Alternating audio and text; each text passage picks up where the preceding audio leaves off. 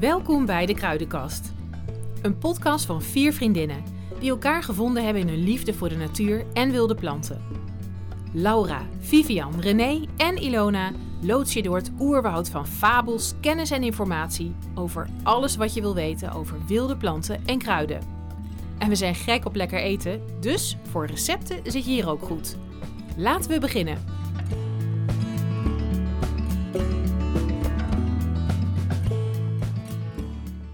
En vanavond dompelen we je onder in de wondere wereld der naaldbomen. En we hebben er drie uitgepikt en dat komt goed uit, want we zijn vanavond met z'n drieën. Ik, Miss Larix, ben ik vanavond voor jullie. eh, Laura, Denne Laura en eh Sparre Vivian. Ja, toch? Jee. Kijk, we hebben ons eh, allemaal een boom toegekend, een naaldboom. En daar eh, zijn we eens eventjes ingedoken over leuke weetjes. En een heleboel wisten er ook al wel van, wat je ermee kan doen. Dus daar gaan we jullie gewoon eh, doorheen loodsen. Want ehm, misschien is het al bijna zover als je dit luistert. Hoor je het geluid? Is dat een zak chips of Oh, jij denkt gelijk aan eten. Nee, dat is iemand die in de sneeuw loopt. Ja. Sneeuw? Ja. Ja. Nou, tegen de tijd dat je dit luistert, kan er maar zo in sneeuw liggen. Nou, Ja, Ja, daar word je stil van, hè? Maar het is wel echt zo. Het kan. heerlijk. ja, Ja. het zou leuk zijn. Dus als er nou. Eh, Kijk, in de winter is er natuurlijk minder te wild plukken. Maar er is altijd nog iets eetbaars te vinden buiten. Dus geen excuus om met je bips op de bank te blijven zitten. Als je dit geluisterd hebt, denk je. Potverdikke, maar nu ga ik op zoek naar een van die naaldbomen. En om te beginnen gaan we gewoon lekker. Oh nee, we gaan, ik ga jullie eens vragen wat je geplukt hebt. Nou, Viv zei ik heb niets geplukt. Maar je hebt vast iets met wilde kruiden gedaan. Vivian, kan je daar wel antwoord op geven? Wat heb je? in Ja, ja, want ik, ik heb eh, nou een griep. eh, we, we roepen altijd, eh, ik, ik had een griepje, maar een echt griepvirus is natuurlijk wel iets bijzonders. Dat duurt ook wat langer als, als een dag of vier. Maar ik, had, ik, had, ik had een of ander virus te pakken. Dus Hmm. ik eh, was even totaal oud. Maar dan ook echt. En ik ben eh, verwend met echte wilde theetjes. Door mijn man. Ja, kamille onder andere. Eh, dat was erg lief. En vliebessensap en dat soort dingetjes. Daar heb ik me nu weer een beetje mee opgepept. Dus wel veel gebruikt, maar niks geplukt. Totaal Nee, niet. Je lag Nee, gestrekt. nee. Ja, het weer is ook totaal nog niet wild. Maar is jouw man eh, de tuin ingegaan om iets te plukken voor jou? Verzoek? Nee, ik heb voorraad. Ik heb maar voorraad. dat is ik heb prachtig? vlierbessen gedroogd. Ja, ja, Ja. ja, Ik heb vlierbessen gedroogd en eh, ik heb kamille, zakken vol kamille.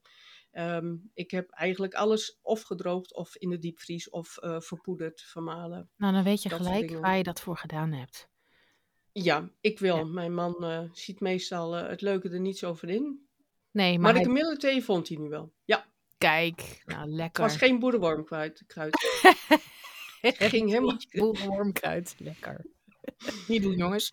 Goed. Echt lief van hem. Ja, heel lief. Lief van hem, heel lief, ja. Ik zeg nog maar even Ja. hè, want ja, we, hebben natuurlijk, we waren natuurlijk onaardig over hem, maar eh, Bas is echt heel lief, mensen. Echt, Een goede vent. super lief. Laura, heb jij nog gewild plukt? Ja, ik had eh, wortels van de teunisbloem eh, opgegraven van de eerstejaars. Oh, En, die naar eh, ham ja, zouden moeten smaken? Dat, mhm. dat klopt. Ja, zal ik jullie gelijk uit de droom helpen dan? Oh, jammer. Ja, ik, ik ga het even goed. Ik, ik, moet- ik heb hem nog steeds op de planning. Vertel, vertel, vertel. Ja, ik heb hem rauw gegeten. Ik heb er puree van gemaakt. En ik heb ehm, een, eh, hoe zeg je dat? Ge- Ik heb ze in de oven gegrild. Ik heb ze gegrild. Ja. En eh, gegrild was de enige manier waarop ik ze lekker vond. Ehm, maar op alle drie de manieren hou je er echt een enorm gek gevoel van eh, in je mond aan over. Hele rare, ja, een soort speldenkussen achter je keel. Ben je, niet, je bent niet per ongeluk allergisch of zo. Ja, precies, Nee, dat- nee, maar dat zou dan goed, heel hoor. toevallig zijn, want dan zouden we allemaal allergisch zijn. Dus nee. allemaal? Ja. Maar dus, eh, ehm, proef je daar dan, dan wel iets van een vleessmaak? Nee, totaal is- niet. Nee. Dat, Ik dat eh, is een rauw- beetje. Rauw was het, ehm, ja, heel flauw hintje van een radijsje, zeg maar. En, Oh. Een flauw radijsje. Ja. En, Een eh, truttige reisje. Maar het is dus ook, je moet even denken aan schorseneren. Je moet ze schillen en het is super slijmerig. Dus je moet ze onder water schillen en het flubbert alle kanten op. En het is echt een rotklus. Ik hoor het al. Ehm, Ja, Nou, vind ik wel jammer. menu. Maar ik, Ik ben zo blij Nee, dat je dingen uitprobeert. Dan ga ik ze niet Ja. uitgraven, want dan, dan wil ik liever mijn teunisbloem ja, volgend ja, jaar. Ja, precies. oké, geen succes. Was er nog iets Wat een succes was? Eh, iets wat wel een succes was. Ik heb vanochtend nog een drankje gemaakt van het vlierbessensap dat ik over had. Dat was erg lekker. Die heb ik ook nog veel gedronken van jou.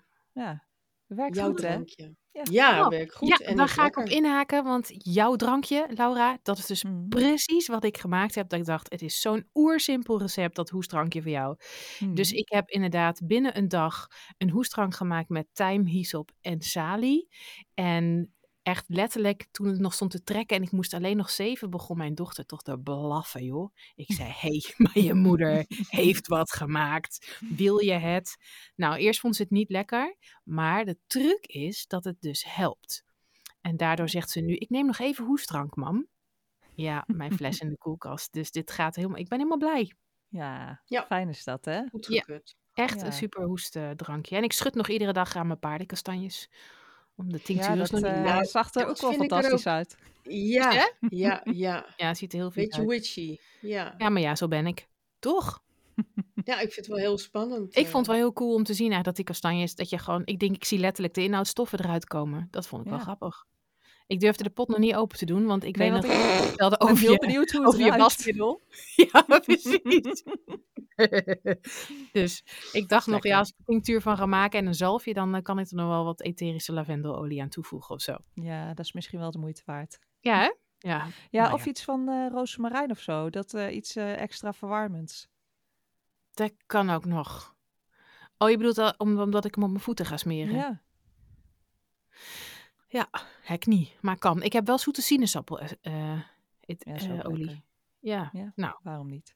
ik zal Dat jullie, ik zal, toch niet? weet je wat, ik zet Gewoon, het op het Instagram toch op het moment dat ik de pot openmaak. Oh, ik hoef er niet bij te zijn. Ik ben Nee. heel blij dat dat zonder geur is. Ja, hè? Ja, Ja, je zou denken, het is een feature die je nog mist, maar in dit soort gevallen. hm. Ehm, nou, we gaan gewoon lekker naar de bomen. Eh, Vivian, die komt net helemaal blozend terug. Wat heb je lopen doen? Sporten? Heb je gewerkt? Nou, nee, dat zijn, nee, nee, het zijn, het zijn nog steeds ehm koortsvangen. Ah, Ja. koortsvangen. Maar eh, Laura, jij hebt je helemaal verdiept in de den. Dus Ja. neem ons mee in de wonderwereld. Van de den. Ehm, ja, ik heb me vooral gericht op de grove den, de Pinus sylvestris. En ehm, de, daar heb ik voor gekozen omdat eh, ik heb eventjes lekker gewandeld hier. En dat is eigenlijk wat ik hier ook het meest zie staan. Dat is zeg maar die den. Eh, als die jong is, dan ziet hij eruit als, ja, hoe zeg je dat, kerstboommodel, zeg maar. En als die ouder wordt, dan heeft hij zo'n hele kale stam aan de onderkant. En dan helemaal bovenaan zitten alle takken. En die waren dan best wel wijd uit, zeg maar. En die bovenkant van de stam, daar is de bast ook wat rooiig. Kennen jullie vast wel. Ja. Dus dat is de grove den. Ehm, ja, wat heb ik er allemaal over gevonden? Hij is inheems in eh, Noordoost- en Midden-Europa. En in West-Azië, Schotland en Spanje. Ik weet niet waarom dat zo specifiek eh, benoemd was. Want inmiddels is hij in eh, alle gematigde gebieden op het noordelijk halfrond te vinden. En het is een pioniersboom. Je ziet ze dus ook echt best wel heel erg veel. En we hebben het al eens eerder gehad over pioniersbomen, namelijk over de berk. Dat weten jullie vast nog, dat we het daarover Ja. gehad hebben. Ja. En Mhm. weten jullie nog hoe oud de berk ongeveer wordt? Ja, niet zo heel oud. Nou, 50, niet- 100 niet jaar? veel- geen, geen paar honderd jaar, hè? Volgens mij iets van Nee. 100, Max 150 100? of zo. Ja, Ja. volgens mij zat het inderdaad ergens tussen de 80 en de 100 jaar en dan eh, legt hij het loodje. Ehm nou ja, die grove den, dat is dus ook een pioniersboom. Hoe oud denken jullie dat die kan worden? Oh, ik zou denken wat ouder, 150 jaar? Ik, ik, ik, dacht, ik dacht volgens mij toch een stuk ouder. Ja, wel een stuk ouder inderdaad. Hij kan wel 600 jaar worden. oh, Ja, best wel. nou, je, zes, zes had ik ne- niet, maar eh, ik heb wel eens iets van Peter Wolleben gekeken eh, daarover. dat heb ik ook Ja, gelezen. Heb en, ik eh, blijkbaar niet opgelet. maar ik twijfel dan altijd heel erg aan mezelf. Dus Ja. ik denk, ik Zonder niks, Ja, heb je zeg helemaal niks. goed. Ja, ik vond dat heel interessant, want eh, je hebt dan die berken die komen dus en die, die leggen het dan na een jaar of tachtig al af, maar die dennen die blijven dus nog veel langer staan. En dan uiteindelijk ja, zal daar ook alweer een loofboom of iets voor op de plek komen. Maar ik vond het heel erg interessant. 600 jaar is echt eh, flink. Nou, Ehm, Behoorlijk. ja, ze houden van eh, licht en niet van schaduw. Ehm, maar ja, sommige worden dus ook echt heel erg groot, omdat die dus echt naar het licht toe groeien. Maar ja, dat doen wel meer bomen. je doet Ze dat ook zijn- in de breedte. Ja. Even uit de schaduw. Ja, precies. Ja. Eh, het is een groen blijvende boom. En ehm, daar wou ik wat over zeggen, maar dat is me even... Nou, misschien komt dat straks nog. Wat ik wel We interessant vond... mij, Ja, sorry dat ik je onderbrak, maar de meeste naald, naaldbossen zijn, eh, naaldbomen zijn, blijven groen, toch? Ja, n- nu Ja. niet Met- met? Nee, met ja, we uitzondering gaan dat niet zeggen. dat weet iedereen. Nee, maar dat weet niet iedereen. Nee, maar dat ga ik straks vertellen. Ja, goed, Nu niet. ik Dus niks gezegd. Deze naaldboom is groen blijvend. Wat ik heel interessant vond, eh, wat ik zelf nog niet wist, is dat hij ehm, een hele diepe penwortel maakt, waarmee hij water uit de diepte op kan halen. Dus ehm, ja, hij onttrekt ook best wel veel water aan de grond. Maar hij maakt ook hele lange zijwortels aan. Dus eh, dat maakt ook dat hij zo oud kan worden, want hij staat gewoon super stevig en hij kan altijd voldoende vocht en eh, voeding omhoog halen. Ehm, moet Dat even vond denken. ik interessant. Ja, ja vond wist ik ik zelf niet. ook. Eh, ik ga even van de hak op de tak, geloof ik. Eh, Lekker, we doen doe maar, even een stukje van. geschiedenis over de Dat is ook wel een, mooie woordschapje Heb, heb je in Van Nederland echt hele grote naaldbossen ook? Naaldbomenbossen? Of is dat ook meer gemengd? Nou, volgens mij worden die allemaal een beetje weggehaald nu. Ja, Ja, ik vind het, ja, ik, Ja, maar bij mij in de buurt bijvoorbeeld wel. Maar dat zijn Ja, oud productiebos Vind je, vind je dat dan niet van die, van die hele donkere bossen? Ik vind naald, naaldbomenbossen vind ik altijd... eh, Ja, je hebt van die echte percelen waar je, waar je niet doorheen komt. Die zijn- meestal van die zilversparren of zo. Ehm, maar er zit ook nog wel iets tussenin. Ja, nee, daar, dat zijn wel van die bossen waar je niet induikt. Ja, ik snap wat je bedoelt. Nee, maar dat is nee, een nee. productiebos. Maar ja, ja. je hoeft er ook niet in te duiken, want je vindt er voor de rest ook niks onder of zo. Ehm, dat is ook zo typisch, want het- En je ik hebt durf weinig ook niet. onderbegroeiing. Ja daar vond Durf ik dus dat met die niet? grove den wel Nee. typisch. Want eh, daar is dus juist wel onderbegroeiing te vinden. En dan Mhm. misschien niet als die dennen nog heel jong zijn, omdat ze dan dus best nog wel veel takken onderaan hebben. Maar omdat ze heel veel takken verliezen aan de onderkant, komt daar eh, meer licht op de bodem, waardoor daar dus best wel veel begroeiing mogelijk is. Dan is Dus dat wel een mooi herkenningsteken ook. Ja. Want als je dan een stuk bos, loopt waar dat niet het geval is, dan, eh, Ja, dan is het niet de grove den. dan zijn dat andere. Nee, Ja. maar ja, als je zo'n eind de hoogte in moet kijken. Ik vind het heel moeilijk om, eh, om bomen aan hun stam te herkennen. Ja, Dat, Ja. eh, je hebt er één met van die harsblaasjes, dat, dat haal Ja, dat ik er dan nog net uit. Maar, ja, ja, maar voor de rest ehm, vind ik het erg lastig altijd. Is het ook. Ja, vind ik Ja. ook echt. Ik, eh, ik kan deze ook alleen, eh, die, die oudere bomen herkennen aan die, eh, die rode gebast aan de bovenkant. Ja. Wat ook nog wel leuk is, die onderste takken, die er dus uiteindelijk allemaal afvallen, die kun je er ook zelf afhalen. Als ze kaal zijn, dan is die tak gewoon dood en dan is dat heel droog. Dan kun je heel mooi een fikkie mee stoken. Mm, ja, met mijn Ja, pyromane ja maar vind ik, altijd, wel leuk. Ja, dus daar is hij ook heel goed voor. Goed, geschiedenis. Eh, eigenlijk al eeuwen en eeuwen en eeuwen lang wordt de hars, de naalden en de knoppen ingezet bij verkoudheid, slijm, keelpijn, hoest, jicht en reuma. En nu wordt hij nog steeds ingezet voor eh, ja, klachten aan de luchtwegen. Gebruik ik hem zelf ook voor. Gebruiken jullie hem ook wel eens? Ja. Ja. Ja. ja. Ik maak er een Ja. theetje van, meestal eh, in combinatie heb, met eh, en en larix. Maar eh, As we speak heb Oh, ik ook een speak. dennen. As we speak heb ik een dennen trio in gebruik. heel vies. bij, bij gebrek als een, eh, aan, aan de boswandeling vandaag heb ik hem. eh, Jij denkt weer aan hele andere triootjes zeker? Of eh, hè? En een hele andere boswandeling. een hele andere bos. Boswachter. Nee hoor. Ik, ik, ik, heb het, ik heb het gewoon over etherische olie. Oké, In, in, in mijn die kun je ook gebruiken Oh, samen. lekker. Ja, ik wil het allemaal niet weten, die details. Oké, sorry. Oh, ja, ik heb nog niet eens gedronken, alleen maar thee. Jongen, god Ilona, wat treurig. Kom op. Maar je hebt eh etherische olie daar staan. Ja, En die gebruik je ook voor je luchtwegen dan? ja, ja, ja. ja. Het zit allemaal nog wel een beetje, een klein beetje dicht. En ehm, eh, ik, ik vind het heel aards. Ja, Maar het is wel volgens mij lastig om, om... Tenminste, kijk, als ik een theetje zet van die dennennaal, dat is natuurlijk heel makkelijk. Eh, maar wil je daar etherische olie uithalen, dat is natuurlijk nog wel even een dingetje om dat zelf te doen. Dat is een Dat heel dingetje om zelf te doen. Ja. niet. Daar heb je Nee. zoveel plantmateriaal voor nodig. Nee, Ja, ja, dat, is nee, al, toch? dat is allemaal Dat heel is ingewikkeld. Prima om te kopen. Ja, Ja. ja. Oké, dan ga door. Ehm, nou. ja, nee, dat koop ik. Ja, nou dan gaan we het even hebben over die etherische olie als we er toch die weg inslaan. Ehm een van de etherische oliën in de grove den heet limoneen. Ik zegt jullie waarschijnlijk niks. Zij mij ook niks namelijk. Ehm, die vind je vooral eh, in citrusvruchten. En heb je de D-limoneen, die geeft een sinaasappelgeur. En de L-limoneen, die geeft een citroengeur. Dus die Oh. citrusgeur die je ruikt als je even zo'n dennennaald lekker kneust. Of eh, zo'n takje of wat dan ook. Ja. Ja. dat is dus die etherische olie. Oh. En het Dat is ook de etherische olie in de den. Eh, Er zitten meerdere etherische oliën in. Die dus zorgen voor dat, eh, eh, hoe zeg je het, voor de werkzaamheid op de luchtwegen. Op de keelpijn en de hoest en de slijmvorming. En nou ja, Ja. noem maar op. Doe je zelf ook al met den? Ik hè, ja. Ik, ik heb in het voorjaar die dennenknoppen allemaal op siroop gezet. Oh, en ja. ehm, ja, dus ik heb nog siroop. Maar ik gebru- gebruik dat eigenlijk nooit voor verkoudheid. Want daar gebruik ik dan toch liever die hoestsiroop voor. Want dat kan ik gewoon even klaarmaken. En daar kun je liters van maken met wat kruiden. Ik gebruik die, eh die dennensiroop vaak in de keuken of voor cakejes en zo.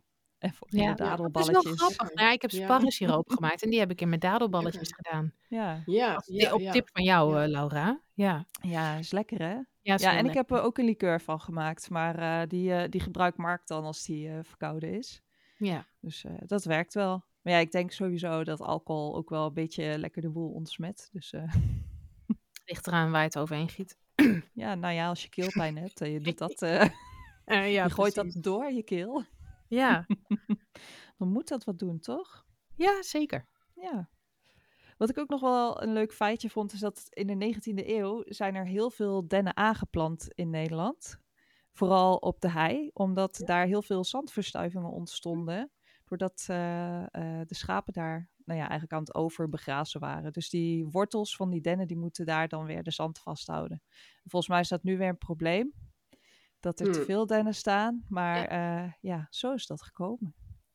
Ja, en dan kun je je afvragen of dat dan echt een probleem is, omdat het daarvoor, eh, nou ja, goed. Hoe ver wil je terug in de natuur? Dat is natuurlijk een beetje de vraag. Ja, het is, ja. de hei is natuurlijk een gebied dat sowieso continu heel veel onderhoud nodig heeft. Want er staan ook heel veel berken. Ik heb toevallig pas nog gewandeld op de hei. En ja, berken zaaien zich natuurlijk uit als een malle. En als je dat Ja. niet weghaalt, krijg je een bos. Dus dat is, En dennetjes je ook, ja. continu aan werken om hei, hei te houden. Ja, klopt. Beheer ja. ja. Ja. Leuk. Zal ik even een klein stukje medicinale toepassing eens. doen? Ja, het wordt dus vooral bij luchtwegaandoeningen gebruikt. En dat kan inwendig met eh, tinctuur of eh, thee of siroop of een maceraat. Dus ehm, nou ja, in, in iets kouds laten trekken. Want als je er thee van zet, je, je wilt dus die etherische olie, dus ik zal het nog een keer zeggen, boven de 40 graden vervliegen die etherische oliën. Dus je wilt dat op een lage temperatuur zetten, maar je kunt het ook gewoon in koud water laten trekken. Het is handig om die naalden even te kneuzen, dat die inhoudstoffen er ook uit kunnen. Maar je kunt eh, ook een maceraat maken van knoppen in bier of wijn. Dus ik kwam dat tegen en toen moest ik aan jou denken. Ja. Want ik dacht, misschien kun je dat ook een keer proberen om te Ah. maken. En hoe lang moet het erop staan dan? Zeker? Ja, Zes dat heb ik niet gevonden. Nee, nou dat durf ik Nee. niet meer aan natuurlijk. Ja. Nee. Maar je kunt het ook uitwendig gebruiken door olie te smeren waarin die knoppen verwerkt zijn of een zalf. Ehm, ik vind eh, zelf vind ik hem prettig in combinatie met bijvoorbeeld de weegbree of eh thyme. En uiteraard echinacea, want dat is natuurlijk weerstandsverhogend. Maar ja, als je hem dan inwendig wilt gebruiken, kan hij ook heel goed met weegbree. Juist. Ja. Yes. En Lekker. ik had ook nog Ja, cosmetisch. Ook nog. Mag, mag ik dat ook doen? De- Oh ja, en culinair natuurlijk. Ik zei net al eh, de cakejes. Ja, de dadelballetjes. Ja. Ehm, maar het schijnt dus dat je ook bier en jenever kunt kopen. Volgens mij heette dat Jopenbier. Als ik het goed Is- onthouden heb. Ja, daar zitten Ja. dennennaalden in of zo. Ja, Oh, daar heb ik laatst, ja, ik bestel nog wel eens boodschappen bij reclame, pling, plong, pling, plong, bij Crisp. Ja. Daar hebben ze dus ook eh, bier met eh, dennen en zo erin. Maar ik, ik vond dat niet echt terug. Hmm. Nee, Oh. Ja, ik heb het niet getest, maar het klonk wel heel lekker. ja, nou bij mij viel het toen enorm eh, tegen. Hmm. Ja, Ja, stond wel op, dan ontwaakt je innerlijke boswachter of zo, geloof ik. Maar dat, eh, Oh, is ja, niet dat heb je toen wel laten zien, ja. ja, nee, dat klopt. Ja. is nooit, Mm. eh, die is nooit wakker is geworden. nooit wakker boswachter. geworden. Helaas. Ik werd er alleen maar duf van, van een bier. Ja, zonde. Ja. Goed. Maar volgens mij, ja, als je wil, kun je overal bier van maken, toch? Ja, dat is ook zo. Maar dit, eh, het, het ruikt zo sterk. En dan denk ik, nou, en ook als je die siroop maakt, dat heeft echt die, die typische dennensmaak.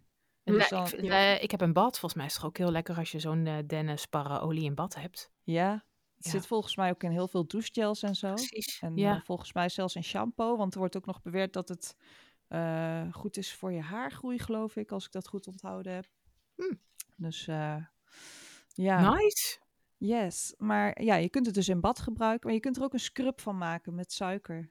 Dus eh, dan eh, hak je wat van die naaldjes fijn en een beetje suiker en een beetje olie. Nou, en die naaldjes je... alleen is voldoende zeker? Of, eh, Ja, je nee, ligt eraan. dat, lijkt, fijn. dat lijkt me nou weer helemaal niks. Heel fijn. Ja. Ja, dat is heel lekker. grof. Hele. Ik, eh, ik heb dat cadeau gekregen van een klasgenootje die, eh, die, die had dat gemaakt. En dat is echt een hele lekkere scrub. En er zaten ook een paar Ja? druppeltjes etherische olie in gedaan. Ja, ja ik vind het, het is echt heel fijn. Maar Ja, echt het hele fijn gemalen naaldjes dan. Ja, ja, Ja, gaaf. Ja, gaaf. dat is Ja. eigenlijk wel bloedsimpel natuurlijk. ja. Hele Ja, Ja, en eh, het met, wordt natuurlijk hele heel veel in gebruikt de in de doucheput. sauna. Wat zei je? De, de etherische olie. Ja, die etherische olie wordt ook heel veel gebruikt in de sauna. Juist, ja. Ja, ja. Ja. Nou, kijk aan. Dus, Fascinerend. Zeker. fascinerend. En dit was het over de hele den. mooie boom. Eh, ja, als me straks nog wat te binnen schiet, dan eh, Ja, lekker. gooi ik, wil, ik heb eh, in één keer een volgorde in mijn hoofd. Dus ik dacht, voordat we naar de spar gaan... ehm, ja, voordat we naar de spar gaan... Ja, dan moeten we even kiezen eigenlijk of we eerst de laris of de spar doen. Maar daartussendoor dacht ik, eh, hebben we nog eh, mensen gevraagd op Instagram... of ze nog vragen hebben over naaldbomen. Ja, en die wil ik eigenlijk wel even tussendoor doen. We Laura, hebben- had jij Ja, we hebben wat twee vragen gekregen van Kijk. Helmertine. Hel Martine. Ja, en zij vraagt over de naaldbomen in het algemeen. Kan je ze allemaal het hele jaar door plukken of rapen om er bijvoorbeeld thee van te zetten? Ja, daar weet het antwoord wel. Ja, Jullie ook? Ja. Juist kan. nu. Ja, behalve de larix, want die verliest de Ja. naalden in de winter. Ja, in, in, het, in het voorjaar ehm, bruist het natuurlijk van het leven. Maar nu kun je het gewoon van de grond rapen. En denk van, als je de boom nou voor de rest niet wil beschadigen, dan kun je het ook gewoon nu rapen, toch? Ja, dat is... In eh, het dat- voorjaar kunnen ze plukken en, en nu kun je ze rapen. ja, nu waaien alle losse takken eraf. Ja, die Ja. neem ik ook Kun je, altijd mee. ja, kun je echt hele flinke voorraden mee aanleggen. Want dat is op Ja. zich niet erg als ze dan een beetje verdrogen, toch? Dat gaat ook niet super snel. dat was ook haar volgende vraag. Kan je ze aan de lucht laten drogen en dan in een potje doen en later steeds thee van maken? En ik moet heel eerlijk zeggen, ehm, ik neem gewoon van Mhm. die takken mee en die leg ik ergens neer. En, en nu heb ik ze toevallig in een vaas gezet. En dan haal ik gewoon af en toe wat af. Ik neem niet eens de Ik moeite heb om ze het nog te nooit verpakken. gedroogd, moet ik eerlijk zeggen. Gaat vanzelf. nee. En, en de, ja, ja, ja ik, ik heb de bron tamelijk dichtbij natuurlijk. Dus als ik zin heb in... eh, Dan scheur in- echt de tak van de boom af. Ja, dan neem ik een Nee. mee en dan. nee. nee, ik neem, ik neem een tak mee dan van een wandeling en dan, dan maak ik daar ter plekke iets mee. Ehm, maar eh, werkt dat? Die thee? Dennen, dennenthee, gedroogd? Dat heb ik dus nog Ehm, nooit gedaan. Ja, ik kneus het dan altijd nog wel even goed. Maar je krijgt vooral eh, volgens mij die bitterstoffen er heel erg uit. Want het is wel echt een stuk bitterder. Maar ja, het kan ook zijn omdat het najaar of winter is. Dat, er zitten er gewoon meer bitterstoffen in en minder etherische olie. Ja, Ja, die bitterstoffen ja, zijn nou, vooral natuurlijk ook hartstikke etherische goed voor olie. je.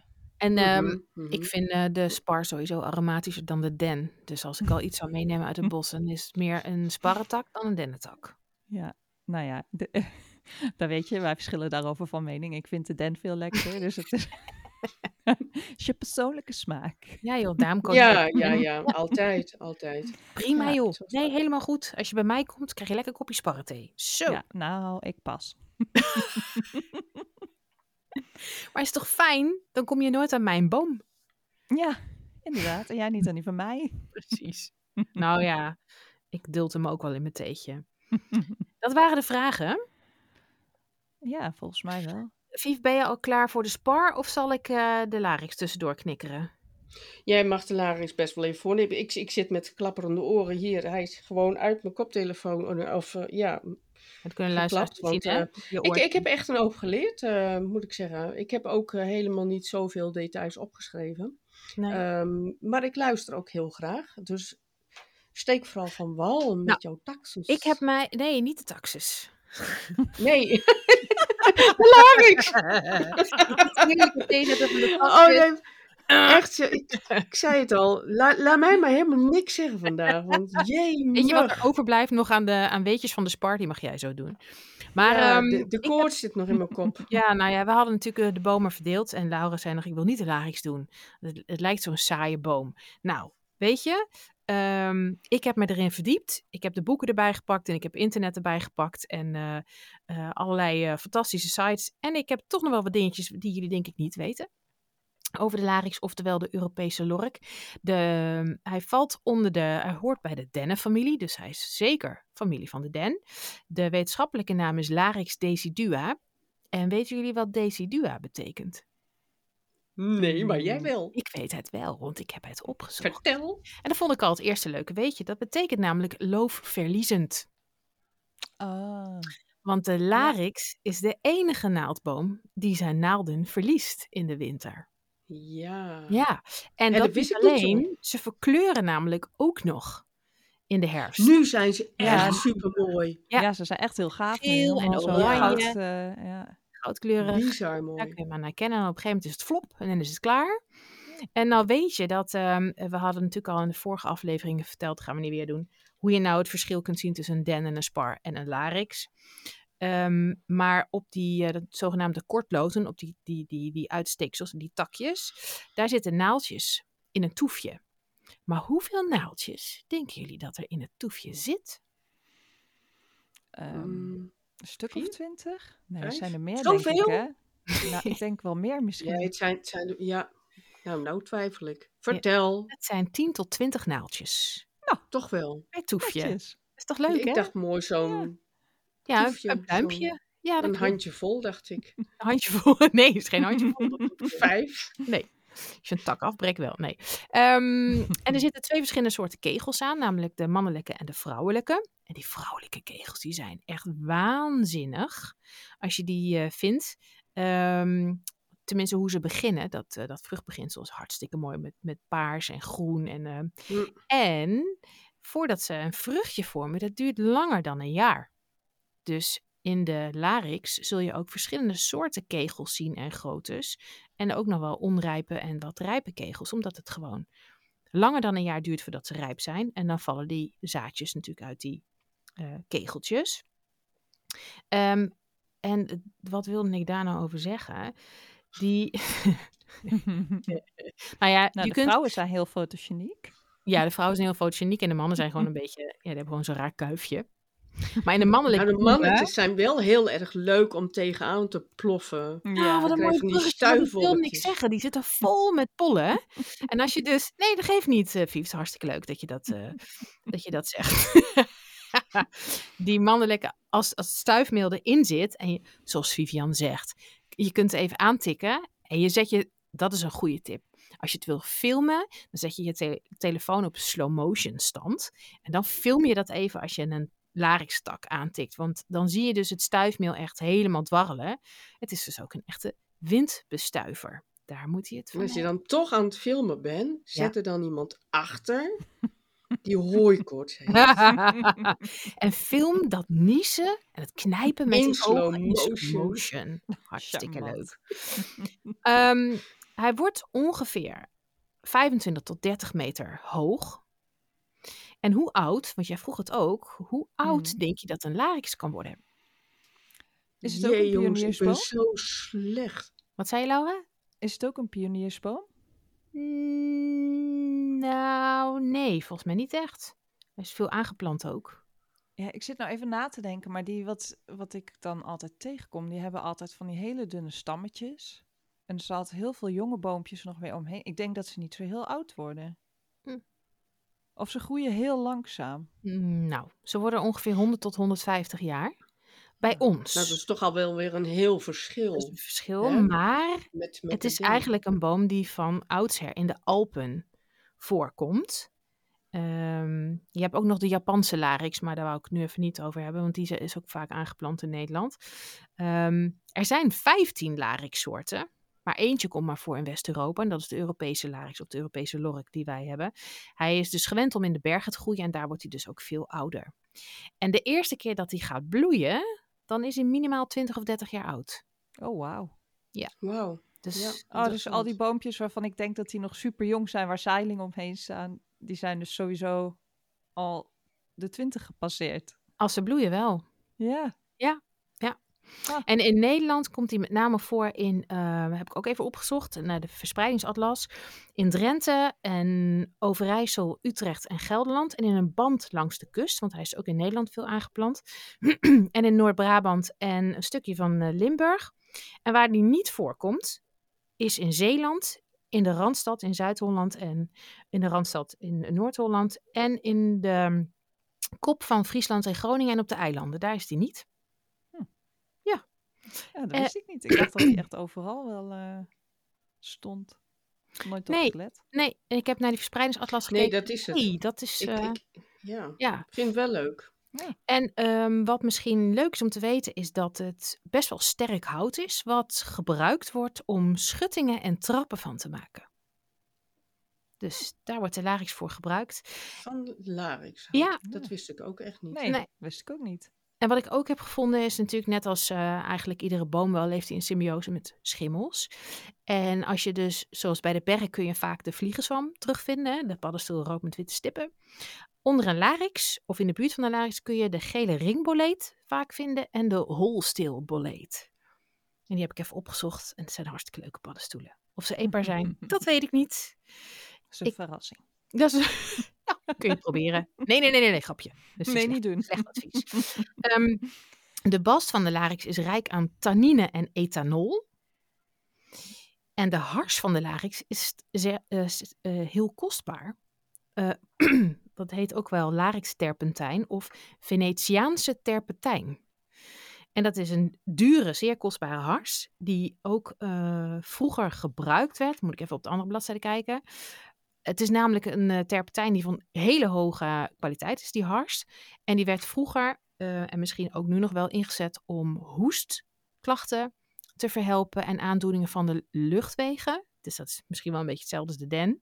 En uitwendig voor doorbloeding en wondgenezing. Dus Interessant. ja, er zit meer in Ja. het dan wij dachten. Ehm, en dan heb ik nog... wel heel heftig, eh, eh, dat moet je dus innemen. Nou, hoe heb ik niet, heb ik niet opgezocht. Ik voelde Nee, behoefte oké, niet wel, maar... Lijkt me Nee. heel intens qua eh, smaak. Ja, maar jullie hadden ook... nou, jullie waren nog op zoek naar uh, harskauwgommetjes op de boom. Ja, Mm, ja. ik heb dat gedaan en ook of dat Ja, intens ik heb is, nog een zilverspar gevonden, die was ook Ik- heel ik- intens. Ja. Ik zit echt heel hard na te denken of ik ooit wel eens hars heb gezien op een, op een Larix ook. eh. Nou, ik ga er nu op letten. Want bij mij in de Ja, buurt er echt enorm letten. veel. Ik woon natuurlijk in Mhm. Overijssel, dus dat is, Overijssel zit helemaal vol ermee. Ja, sta, ik er zou het er verschil, veel, eh, ik zou Ja. het verschil ook wel eens willen proeven eigenlijk. eh. Nou, als ik een lekkere klont voor je vind, zal ik hem zo bewaren. Die vrouwelijke kegels van de la- larix trouwens, die werden wel in liqueur ingelegd. Om hun smaak af te geven. Daar ben ik heel benieuwd naar. Ik, nou, Dat ga jij volgend jaar proberen. nou ja, ik kwam niet zo heel veel vrouwelijke tegen, eigenlijk. Nee, dat klopt. Nee. Ja, dat is wel jammer dan, hè? Ja. Ja. Ja. Dus Hey, dan- waarom als je dat? dan... Nou ja, ik bedoel meer dat het er zo weinig zijn. Als je dat, dan ga je niet plukken. Nee, maar eh, wa- waarom is dat? eh, waarom zie je zo eh, weinig vrouwelijke kegels dan? Ja, dat weet ik dus niet. maar dat is zo. Want ik vind, het- meer als ze boom? zijn, zijn ze Ja, prachtig. zou dat het zijn? Wat zei je, Laura? Zou dat het zijn? Zou ze hoger in de boom zitten? Nee, niet per toch eens uitzoeken. Nee, dat denk ik niet. Want ze maken ik heb- ieder jaar nieuwe naalden en nieuwe idee. kegels. Maar het duurt dus wel langer dan een jaar voordat ze rijp zijn. Dus het kan maar zo zijn dat... Misschien is dat... Kijk, daar heb ik onvoldoende kennis van bomen voor. Maar je hebt, het noemen ze toch ook wel een mastjaar of zo? Dat je dan even Mhm. niet hebt of... Ja, mastjaar is. Nee. ehm, eh, dan heb je één jaar met heel veel oogst. Maar dan heb je daarvoor Oh, een aantal magere jaren gehad. eh, Ja. bijvoorbeeld eiken. Hebben, Zodat hebben de- naaldbomen mastjaar? Ja, dat ja, weet dat ik weet dus ik dus niet. Ja, Ik- er zijn natuurlijk best wel veel dieren die, die zaden en zo komen eten. Ja, En als je je voor wilt planten, dan is het heel nuttig dat die dieren een beetje uitsterven. Dus dat je een paar jaar magere oogst hebt. Ja. En dan ja, inderdaad een ja. mastjaar waarin je ontzettend kunt uitzaaien. nou misschien is er iemand die luistert die ons hierin kan verhelderen waarom we zo weinig vrouwelijke kegels in de larix zien. Ja, voel je vrij ecoloog om te reageren. Dan nog even over vroeger. Ehm, vroeger werd hij in de Alpen ook vaak aangeplant, omdat men geloofde dat er vriendelijke boomgeesten woonden in de larix. En ehm, ook als het larixhout werd verbrand, dan zou de rook van de larix je beschermen voor negatieve invloeden en geesten. En dat niet alleen. Als je een larix bij je huis plantte of in de buurt van je huis, dan zou je huis niet getroffen worden door de bliksem. Ja, dat wordt wel druk voor de deur, want daar staat ook al een vlier. ja, ja, dat klopt. En eh, wat stond er nou? Wat hangt er nog aan de deur? Brandnetel, noem het maar op. Zeker. Ja, een duizendblad onder je doorpot. Ja, ja, nou, Snoephuis. past er ook nog wel bij. Ja, en dan misschien nog een leuk is dat ze vroeger een plaats die omgeven waren door larixen, daar dacht men van dat het een dansplaats was voor bergveeën. Oh. Nou, dat is Oh, leuk. nou wat lief. Ja, Ja, wat leuk. en zo bracht de larix me meer dan ik had gedacht eigenlijk. Ja. En ik weet Ja, ook ja, zeker, als ik in het bos loop, dan denk ik, ja, ik voel het, ik ben een bergvee. Even een dansje doen rond de larix. Ja, Hartstikke en culinair gezien heb ik, me, heb ik er weinig van kunnen vinden. Ik weet dat hij hem natuurlijk, hij is gewoon eetbaar. Je kunt hem op dezelfde manier toepassen als den en spar. Ik denk dat het inderdaad naar smaak is.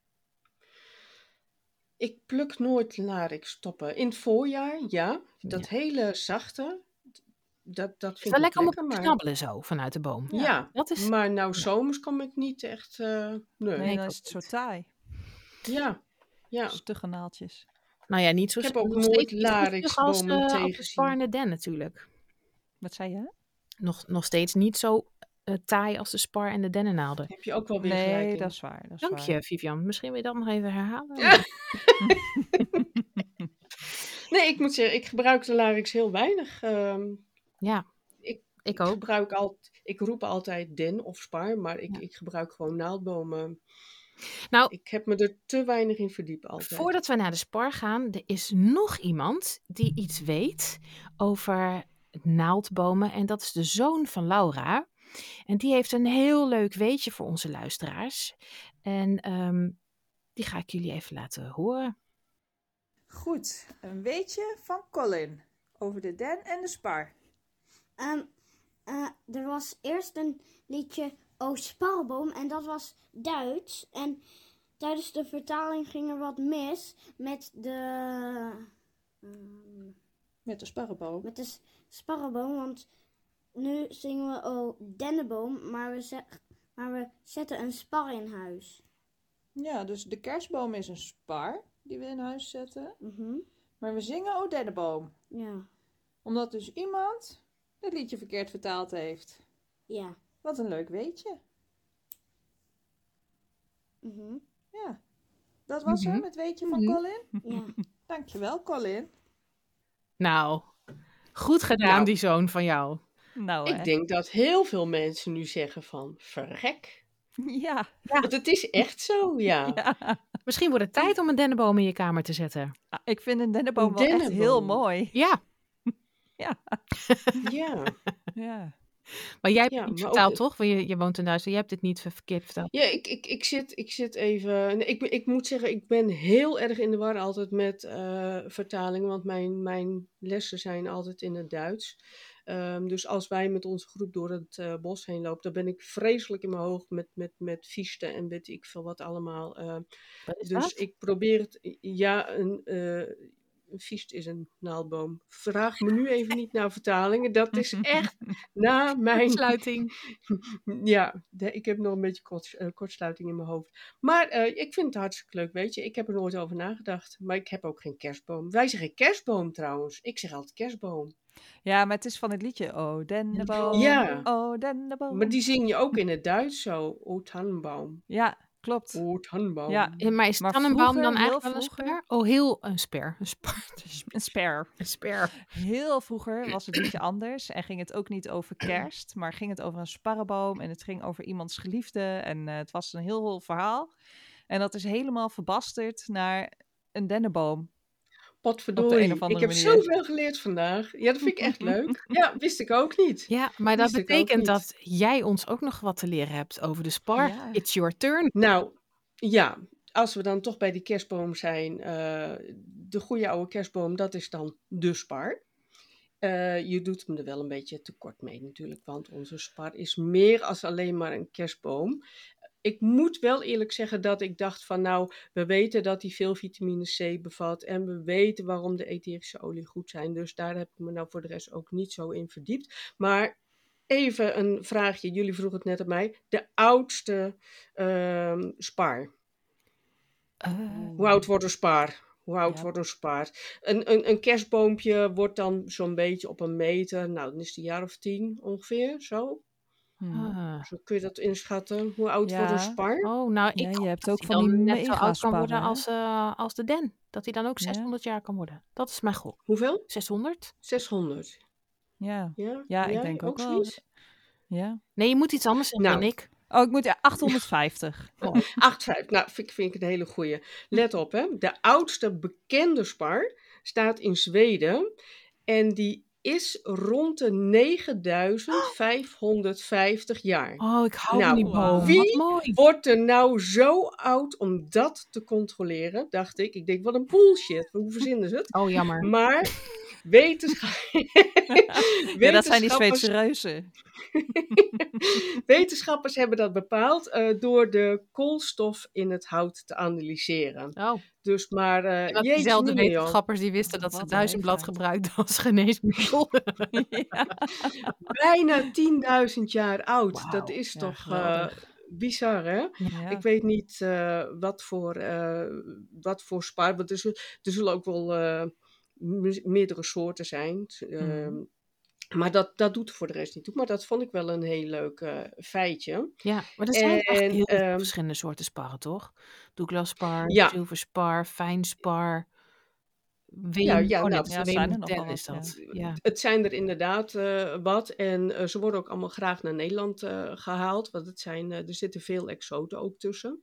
En onze inheemse soorten weten, ons, weten zich er wel goed doorheen te slaan. Maar de, de niet-inheemse soorten, die kunnen wat minder goed tegen ons klimaat tegenwoordig. Dus die verdrogen. Of ze niet, verzwakken. Maar de spar Ja. is in Nederland toch helemaal niet inheems, net als de den, toch niet? Nee, maar wanneer, wanneer is iets inheems en wanneer is Oh ja, uitheems? nou, daar kunnen we Weet je, een op een gegeven moment, over maken. de, soorten die we al een stuk langer, weet je, de hoe- jullie zeggen Douglas spar, hè? Mhm. Die is, eh, dat is een heel snel groeiende soort. Die hebben ze naar Nederland gehaald om de bossen snel op te vullen. En die is heel slecht bestand tegen ons klimaat. Blijkt nu tegen onze klimaatverandering. Dus als zo'n boom verzwakt, dan probeert hij zich nog een beetje in te dekken eh, door het vormen van hars. Ehm, maar op een gegeven moment komt zo'n, eh, krijgt zo'n boom dat niet eh, geproduceerd. En dan, ja, dan krijgt zo'n zo'n kever, de letterzetter, dat wil, woord heb ik ook vandaag nieuw geleerd van jullie, de kans om zo'n boom te infiltreren en kapot te maken. En bij ons ehm, is dat eh, steeds meer zichtbaar. Dus de spar eh, maakt me ook wel een beetje traurig. eh, te- traurig om, Oh, in Duitsland hebben we het over, hè? Voor de mensen die heel Oh ja, ik schakel wel helemaal over. Eh, ja. Is dat eh Even terug naar de regio Ja. bij jou? Dat, eh, help me even, welke regio is dat? in Ja. Eifel. Eifel. Maar ook heel veel eh, Luxemburg hoor. Luxemburg is ook heel erg eh, betroffen. Maar is dat een bepaalde deelstaat? Help me even. Is dat Rijnland-Pfalz. Rijnland? Eh, Ja. eh, eh, Rijnland-Pals zeggen jullie geloof ik hè? Sorry. Ja, de Pals. Mhm. Ja, Ja. de Pals. Maar over het algemeen kan zo'n naaldboom zich wel heel goed redden door het vormen van hars. En die hars had jij het net al eventjes over. Ehm, we hebben hier in het zuiden van Duitsland, net als je de berken tapperijen hebt, hebben we in het zuiden van Duitsland en in Oostenrijk heb je ook eh harstapperijen. Eh, daar staan sparren en daar wordt dan eh, van april, maart, april tot oktober, wordt daar eh, dus echt eh, hars van afgetapt. En dat wordt dan niet gelijk eh, in de productie of niet gelijk in de verkoop eh, gegooid. Jij noemde net al wat, wat eh, mogelijkheden om hars in te zetten. Maar het wordt bijvoorbeeld ook in pleisters gebruikt. In wasmiddel, in lak, banden worden er ook mee gemaakt. In pie- papier wordt het verwerkt. Maar ook medicinaal. Ehm, het, is ook, het wordt ook gerookt. Ehm, maar dan moet het wel twee jaar liggen. Het moet eh, twee jaar liggen om het, eh, dan, dan moeten de etherische oliën, die verdampen dan. Dan droogt het helemaal en dan wordt het eh medicinaal ook verkocht om, om te roken. Bijvoorbeeld. Weet je ook waarv- waarvoor dat dan goed zou zijn? Ook weer eh ongezond. Nee, niet, niet roken in een, eh, in een peukje, hè. Oh, van die kegels die je kunt branden. Ja, ik snap Dikke sparrenjoint. Ik zag jou al rechtop zitten. Ik denk, ja, nee, dacht ik ga een feestje bouwen. Lau, als je wil, je kunt ook wel bier van brouwen en je kunt alles roken hoor, als je wil. Ja. Ja. Tot die tijd is het gewoon licht ontvlambaar door de ethisch, eh, etherische olie die erin te eh, in zitten. En kun je het beter niet eh, roken vanwege het brandgevaar. Ehm, wat je wel kan doen dan ermee, is bijvoorbeeld een perszalfje maken. Want als je nou gewoon het bos ingaat en je neemt, eh, je vindt dan een, een, een, een naaldboom, hoeft nou niet per se een spar eh, te zijn. Dan lekken die bomen vaak ook eh, heel veel hars. En als dat een beetje koud is, dan kun je dat er zo van afbreken. Je kan dat als een kauwgompje eten. Ik zal het je niet aanbevelen. Bedankt. Dat Ik is zeg iedere keer, ik, ja, bij mij ook. Ik heb het misschien nog wel een beetje tussen mijn tanden zitten. van drie maanden geleden. Maar een pechzalfje is echt wel leuk. Dan, dan smelt je het gewoon au bain marie. En dan doe je daar een beetje olijfolie en sheaboter of, of, of bijenwas bij. En dan ehm, kun je dat gebruiken. Hm? Leuk. Het is pijnstil. Het werkt pijnstillend bijvoorbeeld. Bij Ja. eh, spierpijn en dat soort dingetjes onder andere. Oh. Eh, maar ze doen het hier ook op kleine wondjes. en blijft als je dan, in- er ook in zitten? Van die hars? Ja, in principe wel. Als je hem niet al te heet verhit. Want hier staat eh, in dit, het originele recept was met, eh, met bijenwas. Als je dat dus langdurig verhit, ja, dan raak je een beetje die etherische olie kwijt. Ja.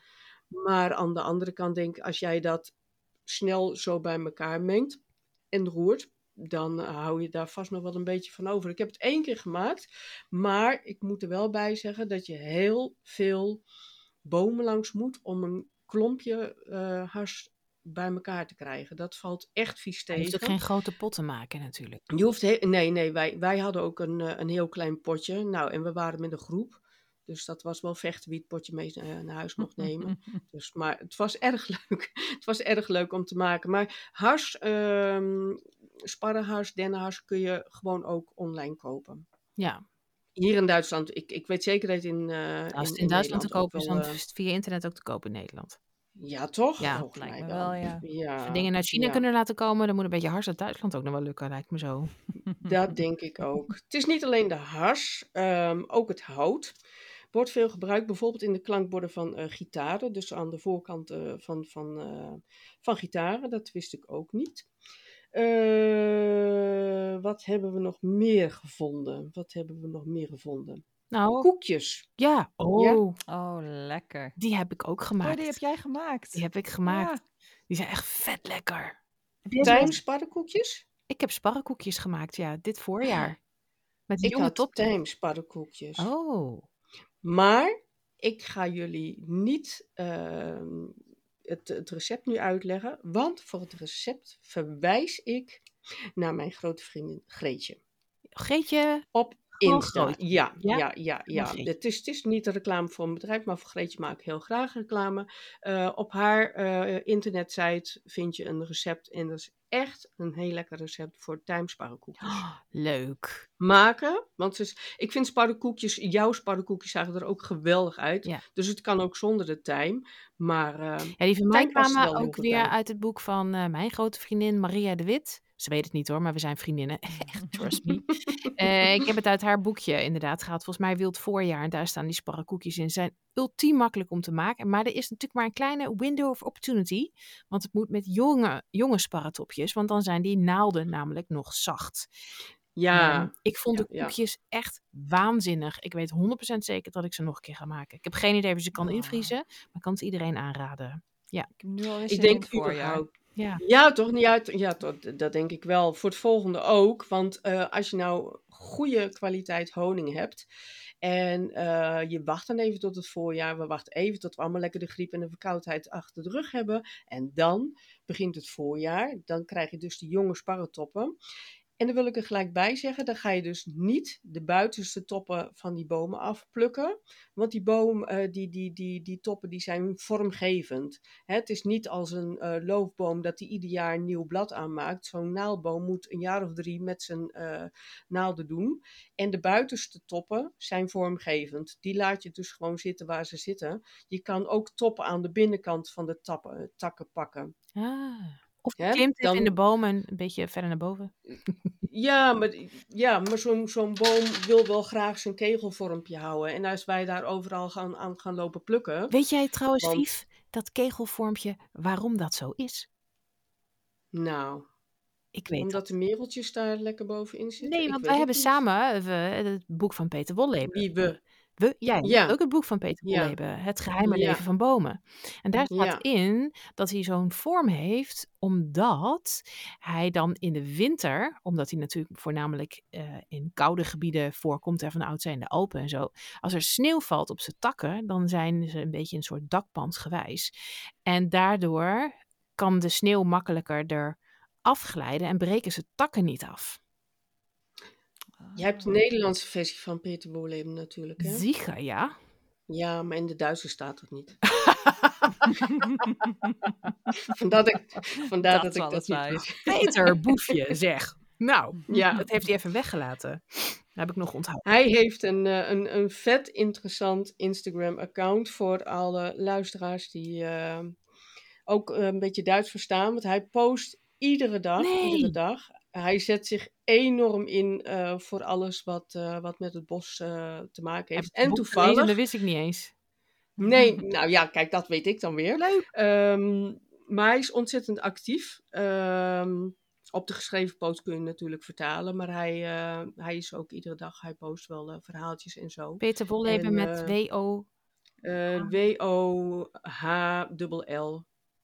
Ja, E ja, juist dat. Wolleben. Nou, En toevallig net voor, ik, eh, net voor de uitzending ehm postte die nog een stukje over eh, dat hij zich enorm aan het opwinden was, omdat ze dus een, een, een stuk kaalslag, ziekbomen hadden ze weggehaald. Hij zegt, je snapt niet dat ze nu nog niet begrijpen dat ze met al die zware machines dan die dode bomen, die dode naaldbomen eruit haalden. Hij zegt dan, zijn die bomen al stuk, maar zaag het dan af en haal het met paarden weg of zo, weet je, met de hand. Zorg dat je niet ook nog heel die eh, bodem zo verdicht dat alles eronder ook nog eh, kapot gaat. En de bodem eh, eh, regenwater dichtmaken. Hè? Ja, Dat, dat ja. zorgt natuurlijk op het moment ook een beetje voor alle overstromingen. Dus daar had hij zich al Ja. enorm over opgewonden.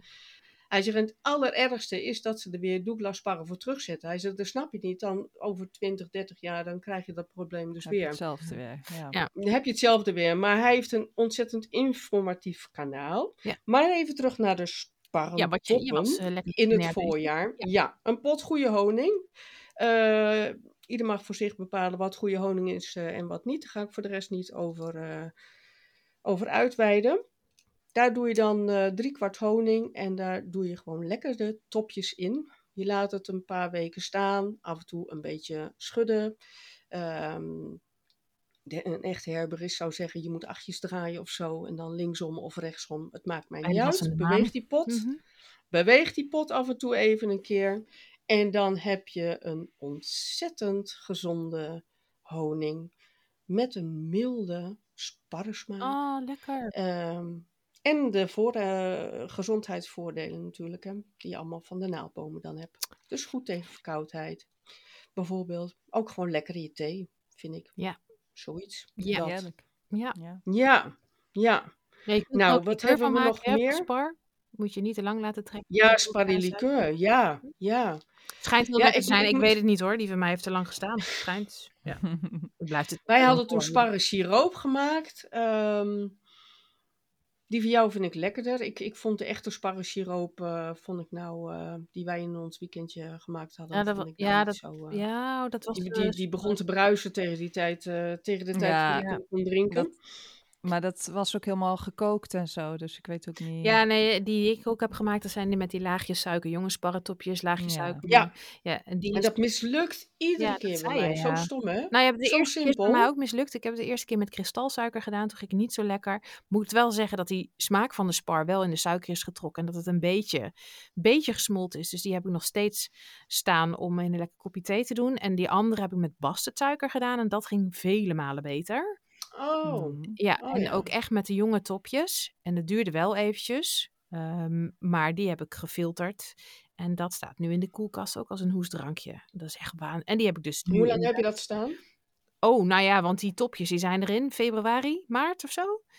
Ja, En- maart denk ik. Ja, maart. En dat heb ik, toen heb ik ze dus op suiker gezet. Nou ja, dus zo lang zitten ze eigenlijk al in het potje.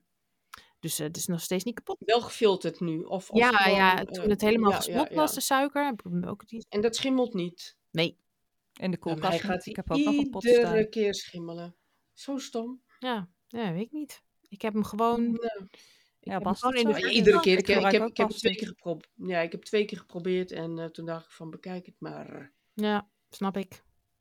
Oké, heb je nog Dus wat anders eh lekkers wat we kunnen maken? Weinig. Nee. Ik eh, had hele grote plannen. Ik denk ik ga lekker het bos in en dan ga ik het gevoel erbij zoeken. En toen kwam, eh, kwam er een of andere pokkenvirus en dat legde mij helemaal lam. Hm.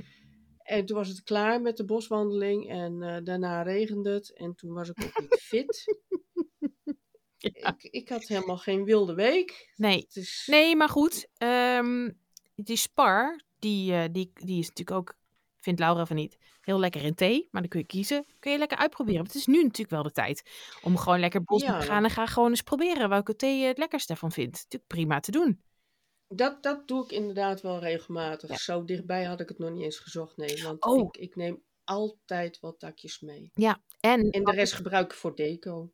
deco. Natuurlijk. Ja, kerstdeco. Kerststukje. Nou, die pakken we zo voor de volgende aflevering. Maar ik maak ook vaak uh, sparrenlimonade. Ja, Ja. zie je, zo stom. Ja. Ja. ja, lekker voor de hand liggend. Nou ja, Ja. ik vond het niet echt voor de hand liggend iets. maar Ja, nee, ik, ik knalgroen. vind het hartstikke lekker. Ja, Ja, en het is echt eh, het is een leuk recept. Het is niet van mezelf. Ik heb het van de, de wilde school.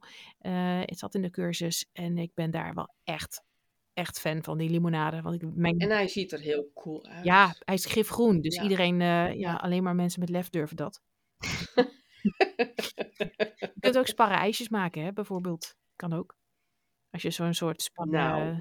ja, kan. Is dat lekker? Ja, dus het, je kunt... Als je, als je sneeuw bij elkaar Met, hebt, met je genoeg suiker wordt alles lekker. ja, dan wordt het een Gat. geel ijsje met de spar wordt een groen ijsje. nou ja. Oh, heerlijk niveau weer. Ja, goed. Nee, Laura, heb jij nog aanvullende sparrecepten of zo in je hoofd? Ehm, nee. Nee, niet echt. Nou, Echt niet, gewoon. Nee. nou ja, en inderdaad, eh, ook toen wij tijdens ons Nature Camp een wandelingetje gingen maken, toen hebben we voor het eerst, tenminste ik had het vaker gedaan, maar die blaasjes die op de stam zitten van de zilverspar, daar zit natuurlijk heel veel hars in. En Mm. als je die tijdens een wandeling nou eens even uitdrukt, pas op je ogen, eh, dan pikken je vingers de rest van de wandeling, maar dan kun je wel, heb je eigenlijk een soort van natuurlijke geurstick bij je, namelijk je eigen vingers. En daar kun je dan iedere keer heerlijk aan snuffelen, want het is echt een knallende ja, citrusgeur. lekker hè? Ja. Mhm. Ja. En kun je ook in de ik- mond ik- steken voor wie durft. Ja, Nou ja, ja, ja. hmm, ja. En nou, eh, wij hebben dus met onze, onze kruidengroep, ehm, hebben dat ook gedaan. En dan ruiken dus heel goed het verschil tussen dennenhars en Oh, dat is ook leuk om uit te proberen. Want de, de een, of was het nou de zilverspar, één van die ruikt ontzettend naar sinaasappel. Wat Laura net al zei, hè? de een heeft veel meer eh, etherische olie wat, wat naar sinaasappel ruikt en de andere meer naar citroen. Dus er is echt een enorm verschil tussen die bomen onderling. En als je dat één keer geroken hebt, dan hou je ze dus wel uit elkaar. Maar ik vergeet dus de Nederlandse namen iedere keer, wat nou naar wat ruikt. Maar de een Ja, ruikt dat veel meer naar sinaasappel. Maakt niet en uit. Kun je gewoon zelf uitproberen. Dus Ja, ga naar buiten, proberen. ga het bos in en luister vooral eventjes naar onze volgende aflevering. Ja, want we weten wel waar die over gaat. Oh, Zullen we Ja. dat verklappen? Nou, wildplukboeken toch? Wat zeg je? Wildplukboeken. Oh, dat vind ik heel mooi. Spreek je dat zo even in in de outro? Dan kappen we ermee. Helemaal goed. Oké.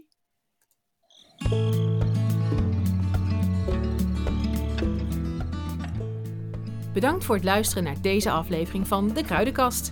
Heb je een vraag aan ons of een idee voor een uitzending? Je vindt ons op Instagram op de underscore kruidenkast. Je kunt ons ook mailen op dekruidenkast.gmail.com. Kast met een C. Stuur ons vooral je reacties en ideeën. Dat vinden we echt leuk. Vond je deze podcast leuk? Lief als je hem dan liked en een review achterlaat. We proberen elke twee weken een nieuwe uitzending live te zetten. We hopen dat je de volgende keer ook weer luistert. We hebben het dan over Wildplukboeken. nog even dit. Pluk met kennis van en respect voor de natuur. Weet dat er regels en wetten zijn voor het wildplukken en verdiep je hierin voordat je zelf op pad gaat. Heb je gezondheidsklachten? Raadpleeg een arts. Wil je kruiden gebruiken met al hun geneeskracht voor jouw gezondheid? Raadpleeg dan een natuurgeneeskundige. En in de tussentijd, ga lekker naar buiten. Knuffel een boom, pluk een kruid, maak een lekker kopje thee of luister naar het ruisen van de wind door de bomen. Tot de volgende keer.